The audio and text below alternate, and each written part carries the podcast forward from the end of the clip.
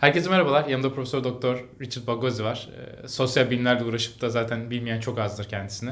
E, çok iyi bir kariyeri. E, MIT, Stanford, Rice, e, Berkeley, e, Michigan. E, tüm bu üniversitelerde geçen çok iyi bir kariyer. 150 bin üzerinde atıf. E, inanılmaz iyi dergilerde basılmış makaleler. E, Bunları niye söylüyorum? Bunları şundan dolayı söylüyorum. Biraz sonra konuşacağımız konular e, hocamızın bakış açısıyla iyi bir araştırmacı nasıl olur? iyi bir araştırmacı iyi üniversiteden nasıl kabul alır? Dolayısıyla maalesef bu dünyada bir reklam yapılması gerekiyor. Bilmeyen arkadaşlarımız için bu videoyu izlemek gerçekten bence önemli. Böyle kariyere sahip birisi, bu kadar görmüş geçirmiş birisinin vereceği tavsiyelerin ben çok önemli olduğunu düşünüyorum. Bu videonun var olması sebebi de zaten bu. Bu nedenle başlangıçta bunlara değinmek istedim. Ee, geleceğin akademisyen olacak arkadaşlarımız ve günümüzde e, ki çok değerli hocalarımız için bir ileri seviyeye geçebilmemiz, ülkemizde birazcık daha ileriye taşıyabilmemiz açısından bence buradaki bilgiler çok önemli.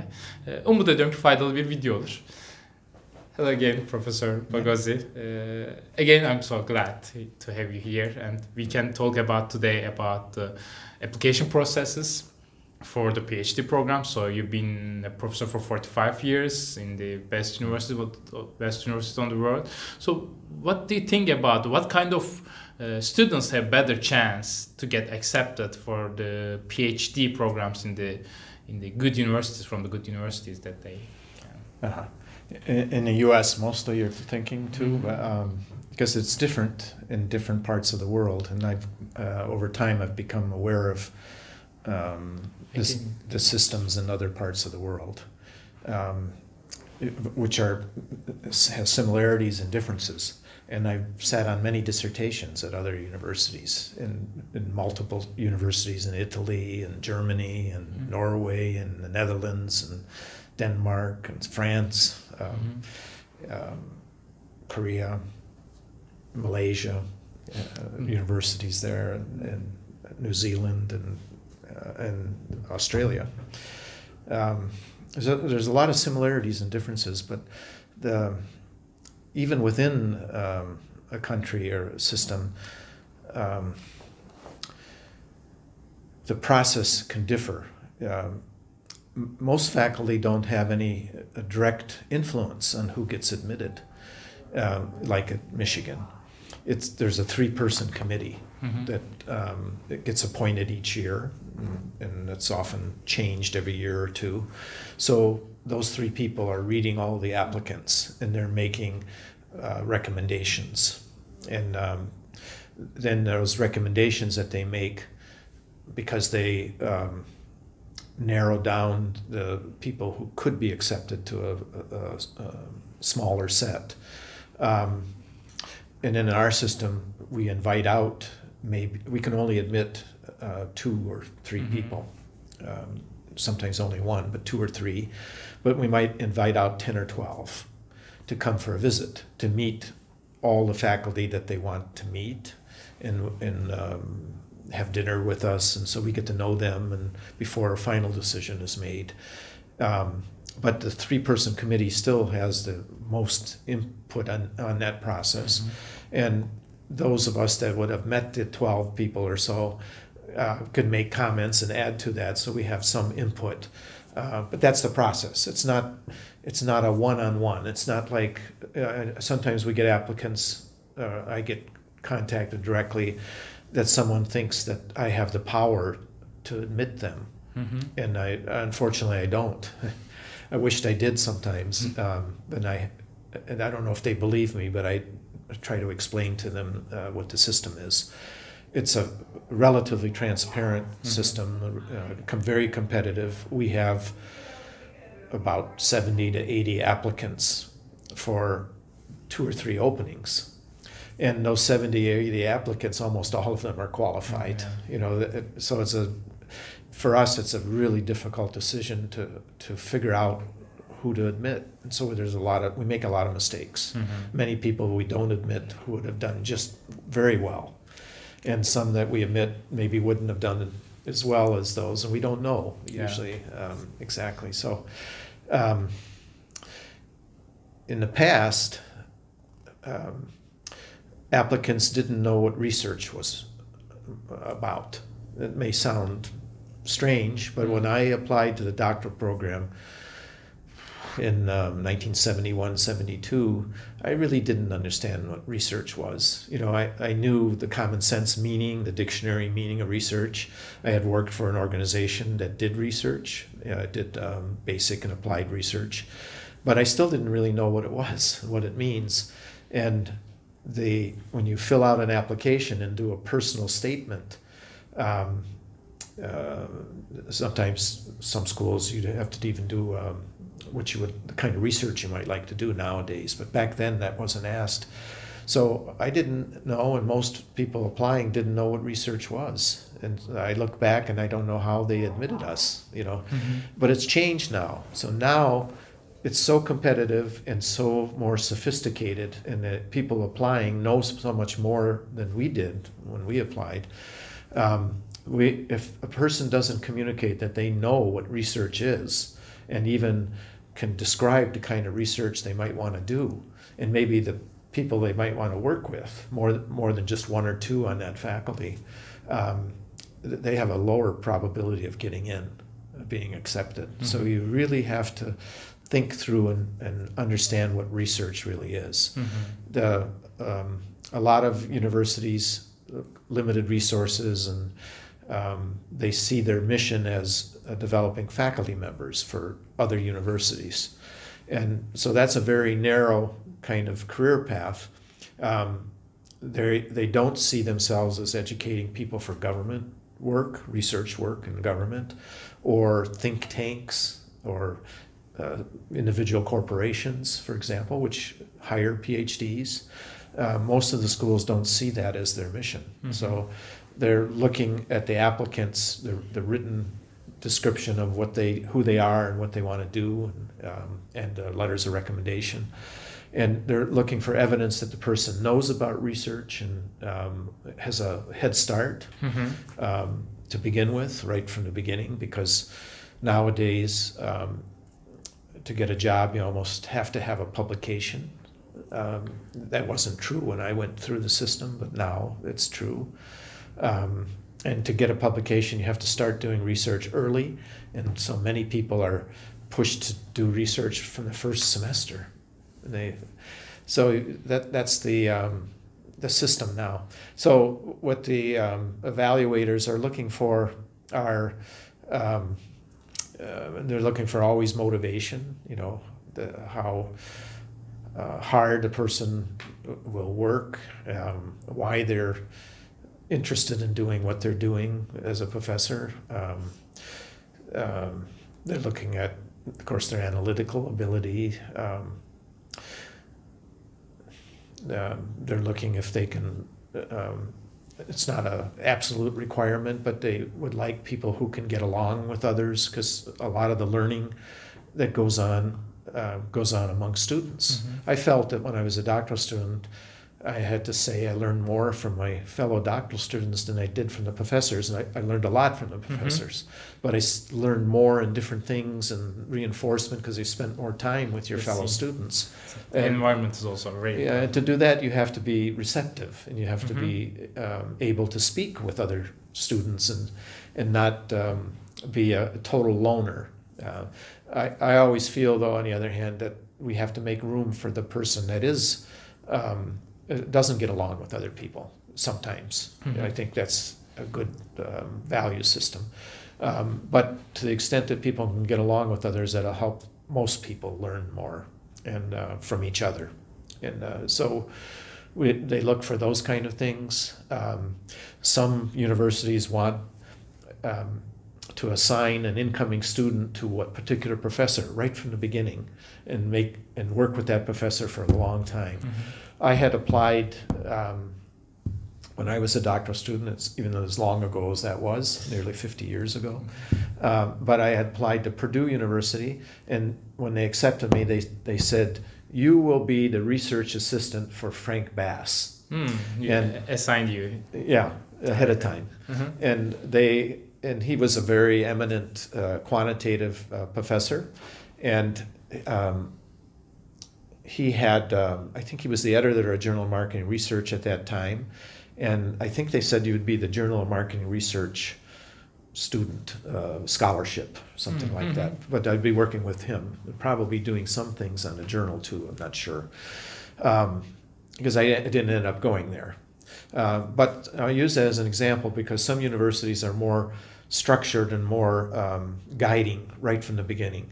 And that university a long time ago, I don't know, I don't think anymore because the old professors have long retired and the system changed. They, grew- they grew bigger than they were then. But um, they were very efficient on, on uh, producing doctoral students in a very quick time, maybe three years even. And Don Lehmann was one, a very well known, still today, very productive, uh, eminent professor at uh, Columbia University. Uh, he graduated from there.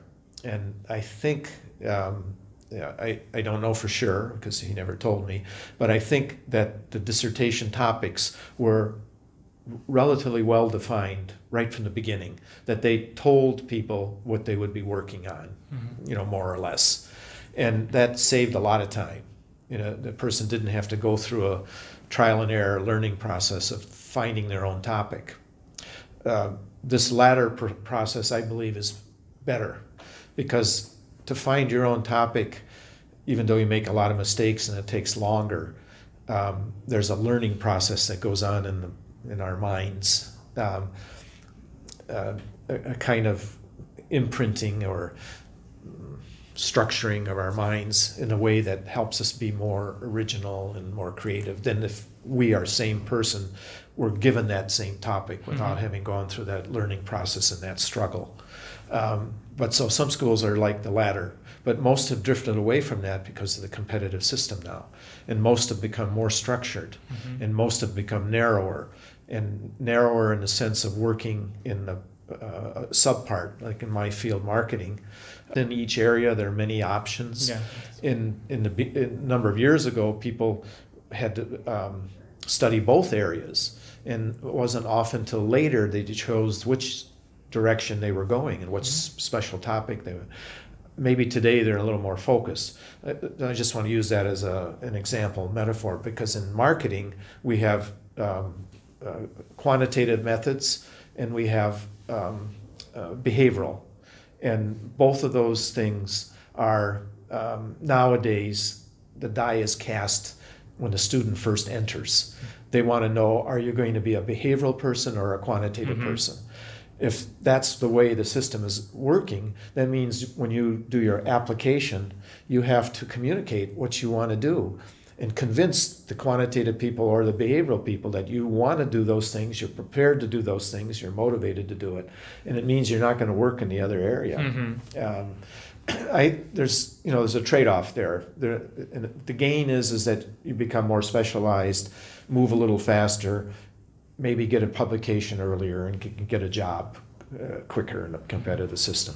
The drawback is is you become too specialized or you're not broad enough, Mhm. and you miss some learning opportunities. Um, uh, that could make you a better researcher. So uh, nowadays, the applicants have to be much more to know where they, what they want to do, which area of the fields they want to be in. For marketing, it's either behavioral or quantitative typically. There are some people that are more managerial orientated, and they may combine. Well, they may combine quantitative with managerial. Mhm. The behavioral people don't usually do managerial. They could, and I think there's an opportunity there, but they tend not to. Mhm. Um, um, and, and it's the same in other fields nowadays, as they've become a little more focused. But every um, university and every department or school is different. You know, some are much more uh, narrow, and others are somewhat more broad. And um, as an applicant, you have to identify which program fits you best. And to, to do that, you have to read the catalogs and Mhm. maybe contact um, somebody at the university, one or more professors, doctoral students that are currently there, former doctoral students or professors at other schools. I did some of this when I was um, deciding where to apply and also which schools to apply to for jobs when I graduated. Um, you have to get a picture of the culture within the school you're going because there's big differences. what some people think are marketing at one university, another university has a, a different image of what marketing is. It's, it's, it seems surprising, but it is that way. They have, they have different values. And what some universities think is good or valued, the other university thinks is bad and is not valued. It's, it sounds strange, but that's the way it is. And if you apply to one place with uh, valuing something they don't value, you're not going to get in.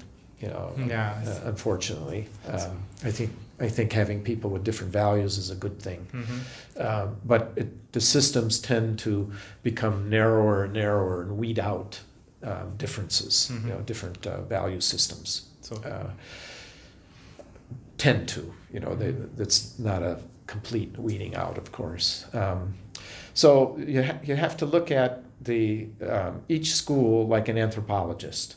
You have to study the faculty, what they're doing, Mhm. what they have said. If you can get some things like that kind of information, the the articles that they've written, what they have chosen to do, um, interview students that are there now, interview faculty that are there now, interview people who may have started there as a professor and left Mhm. because they see things that Mhm. that others maybe don't want to talk about or don't uh, recognize. Um, so you have to get information from many, many different points of view and kind of absorb it like an anthropologist studies a, a, a culture. Because every school has its own culture. And the only way to learn the culture is to read everything that's been written by them. and it used to be the catalog. I remember reading every catalog and thinking that because I had, as before I entered the doctoral program, I spent a lot of time, excuse me, and um, studying anthropology. And I, I pretended that I'm an anthropologist reading these catalogs and I want to see what their values are that are hidden between the words they're using. Um, you know, I could only do that a little bit, of course, but it was really valuable. It really helped me um, pick the schools and pick the ones I was accepted to. Mhm. Um, and the same thing for the jobs I applied to later. Yeah. Yeah, as you mentioned, another problem is for our time is the publishing. It's time for the publish or perish time. So most of the PhD students started to publish in their first term, and even though they are they are looking for the master students to publish something before applying the PhD. So maybe we can talk about how do you find your research questions? How do you find those interesting ones? And do you have any suggestions for the people who are doing their PhDs? Yeah, well, let, let me first say that I, I think, um, just personally, Mhm. there is an overemphasis on publishing too early. Mhm.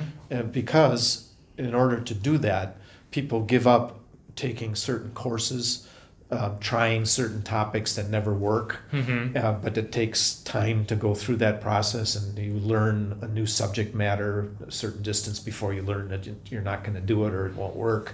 There's a benefit in doing that. So I think there's an overemphasis on publishing too early that people miss out on deepening their knowledge, Mhm. and di- not just broadening it, but deepening it in uh, ways that aren't exactly the narrow way that they're doing. So I, um, I think that's a, um, a big mistake, and but that's what almost all the systems are doing now, and all the faculty are pushing people to do, and that's what students are seeing as the way to get a job because the competitive system has uh, selected people that have publications early. Um, but I think I really believe a person should resist that as much as they can to get as uh, deep and broad of training in other areas as they can that could cross fertilize the area that you're interested in or um, prepares you to work with people from those other areas that you wouldn't be prepared to work with when you do graduate. And um, but I think it makes a person a better researcher in the long run. And also, one of the problems I see um, is that this is not maybe everybody, of course, it's just some people, um, were kind of misled and became so narrow that once they got on a job, and it takes a lot of time to do well as teaching, service, you know, research, family, everything um, is so demanding um, that uh, a lot of people who were trained too narrowly have a hard time developing new topics for research after they publish something from the dissertation. Mm-hmm. So it's best, I think, to develop your own dissertation, not to be handed a topic. Uh, speaking idealistically, it's best to have a broader and deeper education in other areas added to what you're doing, and not to get overly involved or in the beginning at publishing too early, sacrificing those other things, because it allows you to have the wisdom and knowledge to see other topics to do research on, as well as to work with other people who are doing the same and, uh, and learning from them and work, you know, multiplying uh, the effect. Um, now, in terms of topics, no matter how, what you do, whether you're narrow or broad, uh, I find that uh, they, for me, they came from uh, um, kind of non-purposefully um, by just reading, and the I, so I always had a, um, a long-run plan to read and read and read all the time, Mhm. and um, as much as I could, you know, um, and not just to read. Um, I had. Uh, um, uh, colleagues or faculty that would read a chapter in this book or part of this article. They would read in a piecemeal way to help the project they were working on. And functionally, that did help the project they were working on.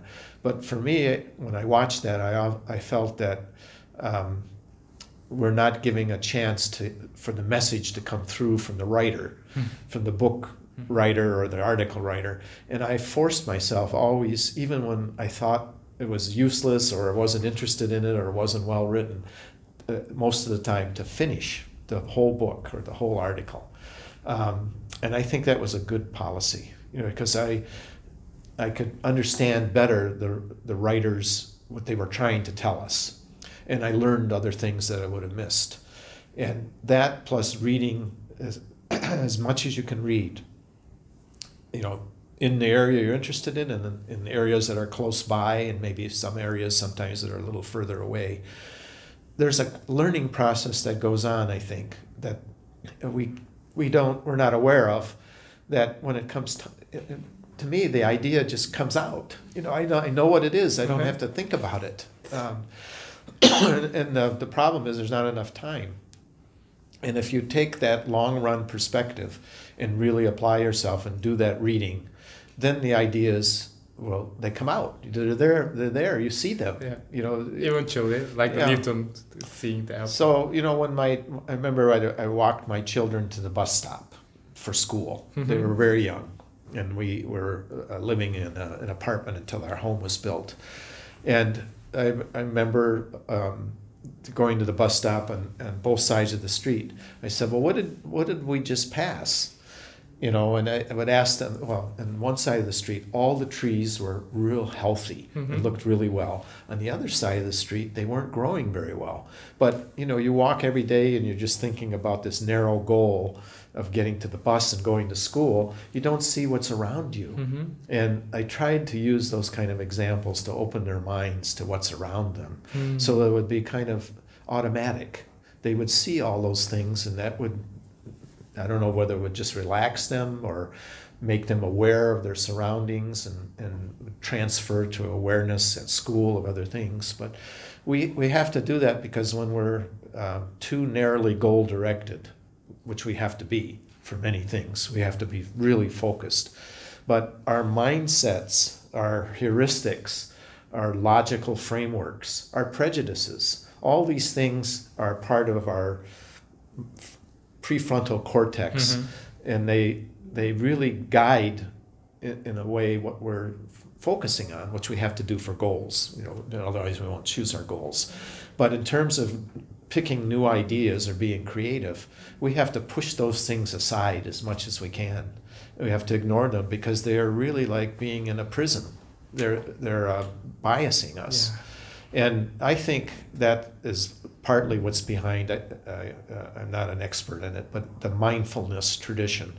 In many um, uh, religions like Buddhism and parts of Hinduism, where people, the yogas, or they sit with their Mhm. legs crossed and relaxed and they close their eyes and they're told to focus on your breathing.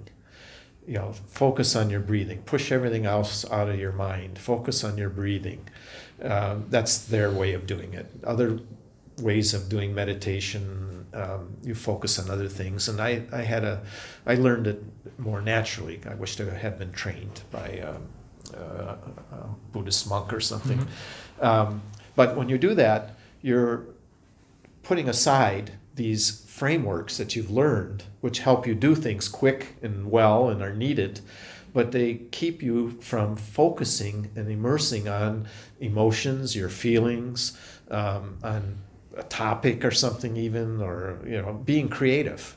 And um, so, you know, I mean, this is this is kind of a vague general answer, but if you do those things over a long period of time, the ideas start coming automatically yeah.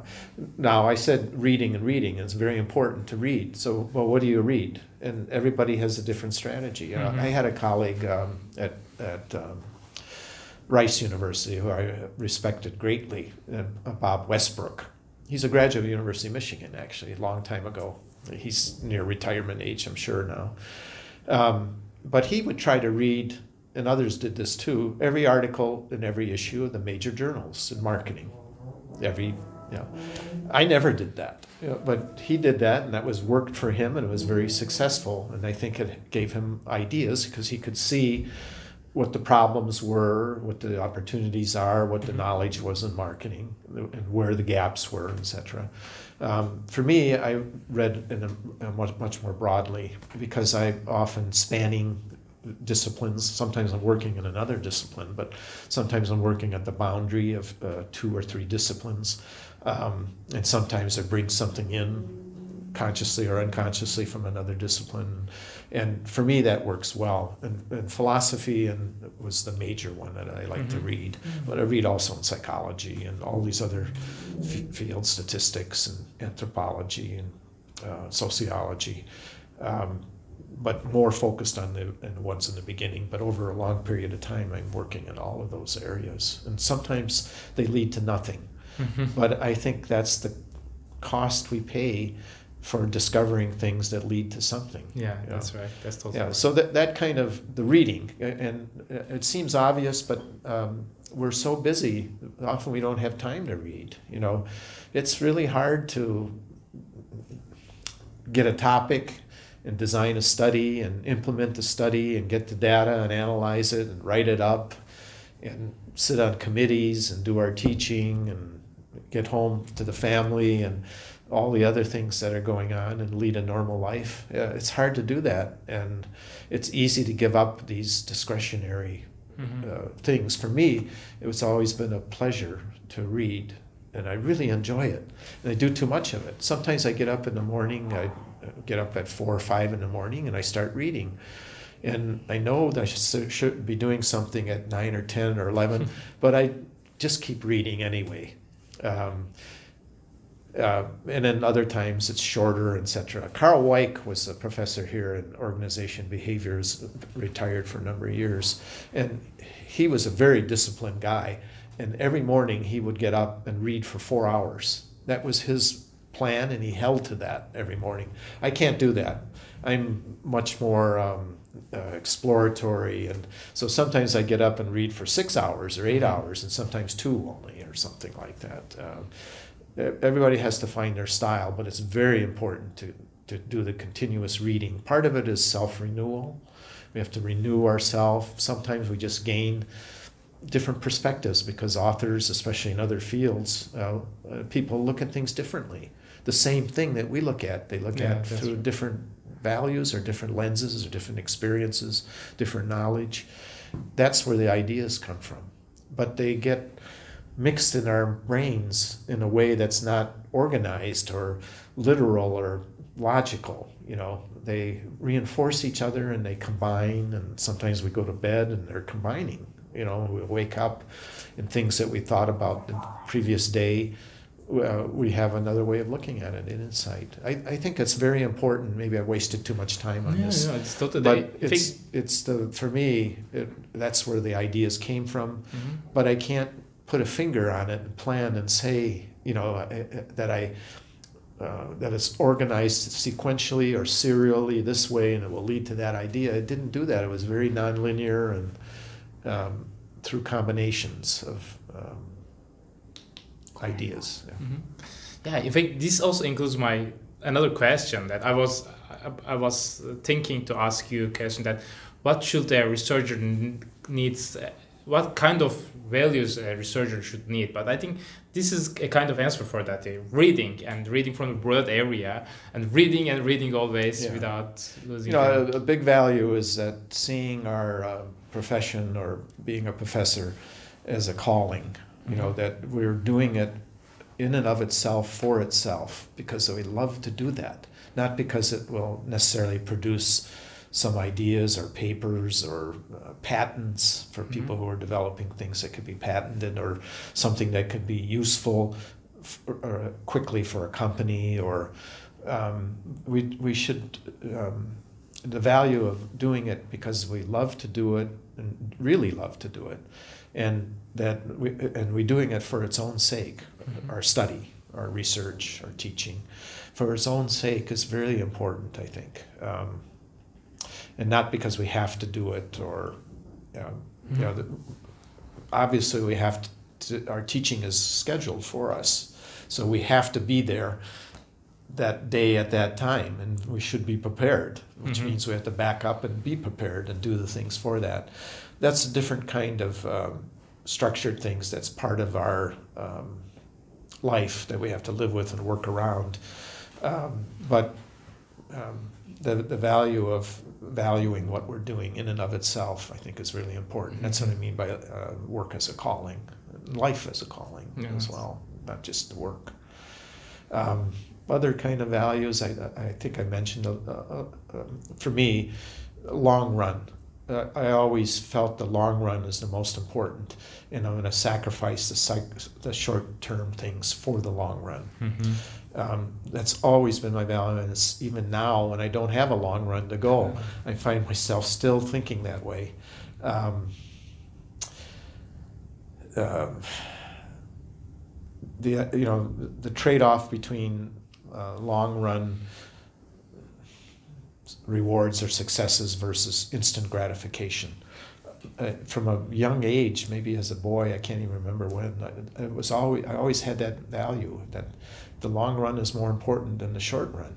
Um, and eating a, um, a, piece of candy, or which I didn't, we didn't have that in our family, uh, but eating something sweet, or versus eating something that will lead to health and mm-hmm. long run strength and building the muscles and, um, and the immune system.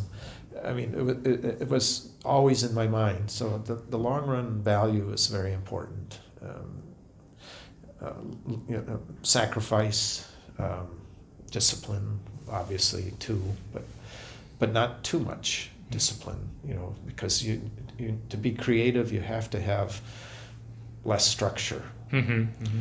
You know, but on the other hand, another value. You know, these these things are all intention. Um, I, think you have to value solitude and uh, being alone because a lot of things that we do in academia are alone we're writing things alone sometimes, and some things we have to do alone. But at the same time, we have to value and working with other people too, maybe as part of a team. And so there's a tension there. But so we have to value both solitude and um, uh, working mutually with other people. Um, yeah, I mean, mo- mo- most of the things I'm not thinking about when I'm doing it, but if I reflect on it, what other kind of values? Um, um, there's always a, a value of um, sometimes a, a, a, conflict between enjoyment and production. and so that's you know, for me i love reading so much that sometimes i would do too much of it and giving up on producing and I and after a while I said, well, I just can't keep doing this. I got to sit down and write this draft of this paper. Otherwise, yeah, this is a really big problem for yeah, most of the scholars. Yeah, yeah. and uh, but uh, I recognize it, and I but I don't uh, get angry about it. I mean, mm-hmm. I like doing both, and I I I um, get comfortable with and accept that I have to follow my heart sometimes, even though it has negative consequences for other things. Mhm. Um, and and if you know, and accepting those negative consequences when they should be accepted. Sometimes they shouldn't be. Uh, Sometimes I've um, hurt somebody or something like that, and I, I need to do better and not do that. But so it's a kind of uh, self-learning process. You know, the self-regulation and uh, is very important. We have to regulate our our intentions and decisions and our desires all the time, which means we have to examine them and and say, having this desire to do this, am I the kind of person that should have this desire or not? Or if I don't have a desire to do something that I might should have, should I ask to ask myself, is this a desire I really should have and do something about it? You know, and uh, is it the kind of person I want to be by doing this? And this kind of self-regulation is, um, you know, it's a lifetime ongoing thing that we have to do. You know, it's to examine self that the ancient Greek philosophers talked Mhm. about. You know, we have to take time for that and um, um, and get. It's a skill. You know, we have to do it Exactly. and develop it and not avoid it and um, Thank you. too much. Thank you, thank you, Professor. I think the all the information that you have given to us it's it really have immense importance. I'm going to watch the recording more than one. there are lots of things that we can learn from you and from this recording for sure. I'm sure it's going to be really helpful for the audience too. Thank you, thank you again for Yeah. being here with us. You know, maybe another thing is is not to um, overlearn things from people like me or any what other other people are saying. You know, I, I, now you know this is um, you started off introducing things in Turkish and so Yeah. on, and there'll be Turkish people watching. And while you were speaking there, I remembered you know when I my first day in the doctoral program, one of my best friends was a Turkish man, Mm-hmm. um, Fuat. Ah, yeah, Fuat. And- He, he is also very famous. He went to uh, Roberts College, I think, which is now Bosphorus University, Mhm. maybe. Uh, and but we became good friends, our families, and um, so uh, uh, sometimes my wife and I would babysit their. Uh, uh, Fuat and Sena was his wife. She's uh, has died, um, but uh, Furkan and Ferial were the two of their children then, and my wife and I would babysit them a lot. Uh, we we didn't have children yet, Mhm. and uh, and so we did a lot of things with them and, and talked about school and he and another um, doctoral student from uh, India was um, they were trying to write a book on Marxist marketing Mm-hmm. because they the societies they came from that, that was their values and I really respected them uh, immensely and learned a lot but I remember uh, when I first came into the doctoral program and I mentioned to Fuat there was an old movie that I had seen from the 1930s that was very meaningful to Mhm. me and they were showing it on campus. So he went with us and we saw the movie. Mm-hmm. and now and he and I had many very similar values and uh, same goals and you know um, as much as a person from Turkey in America um, could have. Uh, but he saw the movie and he uh, to use a figure of speech he, he thought it was a piece of junk. It had no meaning to him and it was a good lesson for me because it told me even as much as we shared in common there were some things in our backgrounds that he didn't understand in, in his background and I didn't understand. Um, and so a lot of the things that I said might not apply to a lot of people watching. You know, I think some of them are universal, more or less, but have to be worked into your own uh, needs and system. But you know, we're we have such different backgrounds and needs, and I think it's a, we have to recognize that. That's why I think don't put too much emphasis on what other people are saying, Yes. but always listen to what they say and try to understand what they say, but don't automatically accept it and try to conform to that, even if they're in an authority position Mm-hmm. um, because they could be wrong for you, Okay. and um, and you won't know that if you haven't gone through the process of discerning what they're saying and what does it really mean for you. Mm-hmm. you know. Yeah, but I still believe that. Yeah. there are lots of things that we can learn from you and from this, you know, speech. Thank you, thank you for that interview. I, I'm, I really appreciate it. I can find the real uh, suitable word for that, but it's really valuable for Yeah, me. but thank you. Thank It you. was thank my pleasure. thank you. My honor. thank Yeah. you. And thank you to my wife also. She's Yeah. with here also. She's helping for. Thank you for all your Yeah. ideas and Yeah, thank yeah, you. and your was- tears Yeah, thank you. Thank you for that. and too. your support. And maybe doing my closing in Turkish. Ee, Umarım faydalı olmuştur sizler için. Açıkçası gerçekten yani çok büyük bir değer olduğunu düşünüyorum hocamızın. Ee, hep bu kanalın var olması sebebi de biliyorsunuz hiçbir şekilde maddi bir getirisi yok. Tamam her ay bağışlıyoruz buranın gelirlerinde. Gerçekten birine fayda olmasın umduğum bir içerik. Lütfen bence e, ne kadar hocamız mütevazi bir şekilde her söylediğimi dinlemeyin demese de bu konuşmadan bence geleceğin akademisyenleri, günümüzdeki akademisyenler için gerçekten çok büyük değerler var. Çok işe yarayabilecek şeyler var. Ülkemizde birazcık ileriye götürmek istiyorsak bunları uygulamamız gerekiyor. Umut ediyorum ki faydalı olur. Umut ediyorum ki en azından birkaç kişinin hayatına dokunur ve bir şeyleri değiştirebilir bu video. Hepinize çok teşekkürler izlediğiniz için. Görüşmek üzere. Hoşçakalın. Thank you again.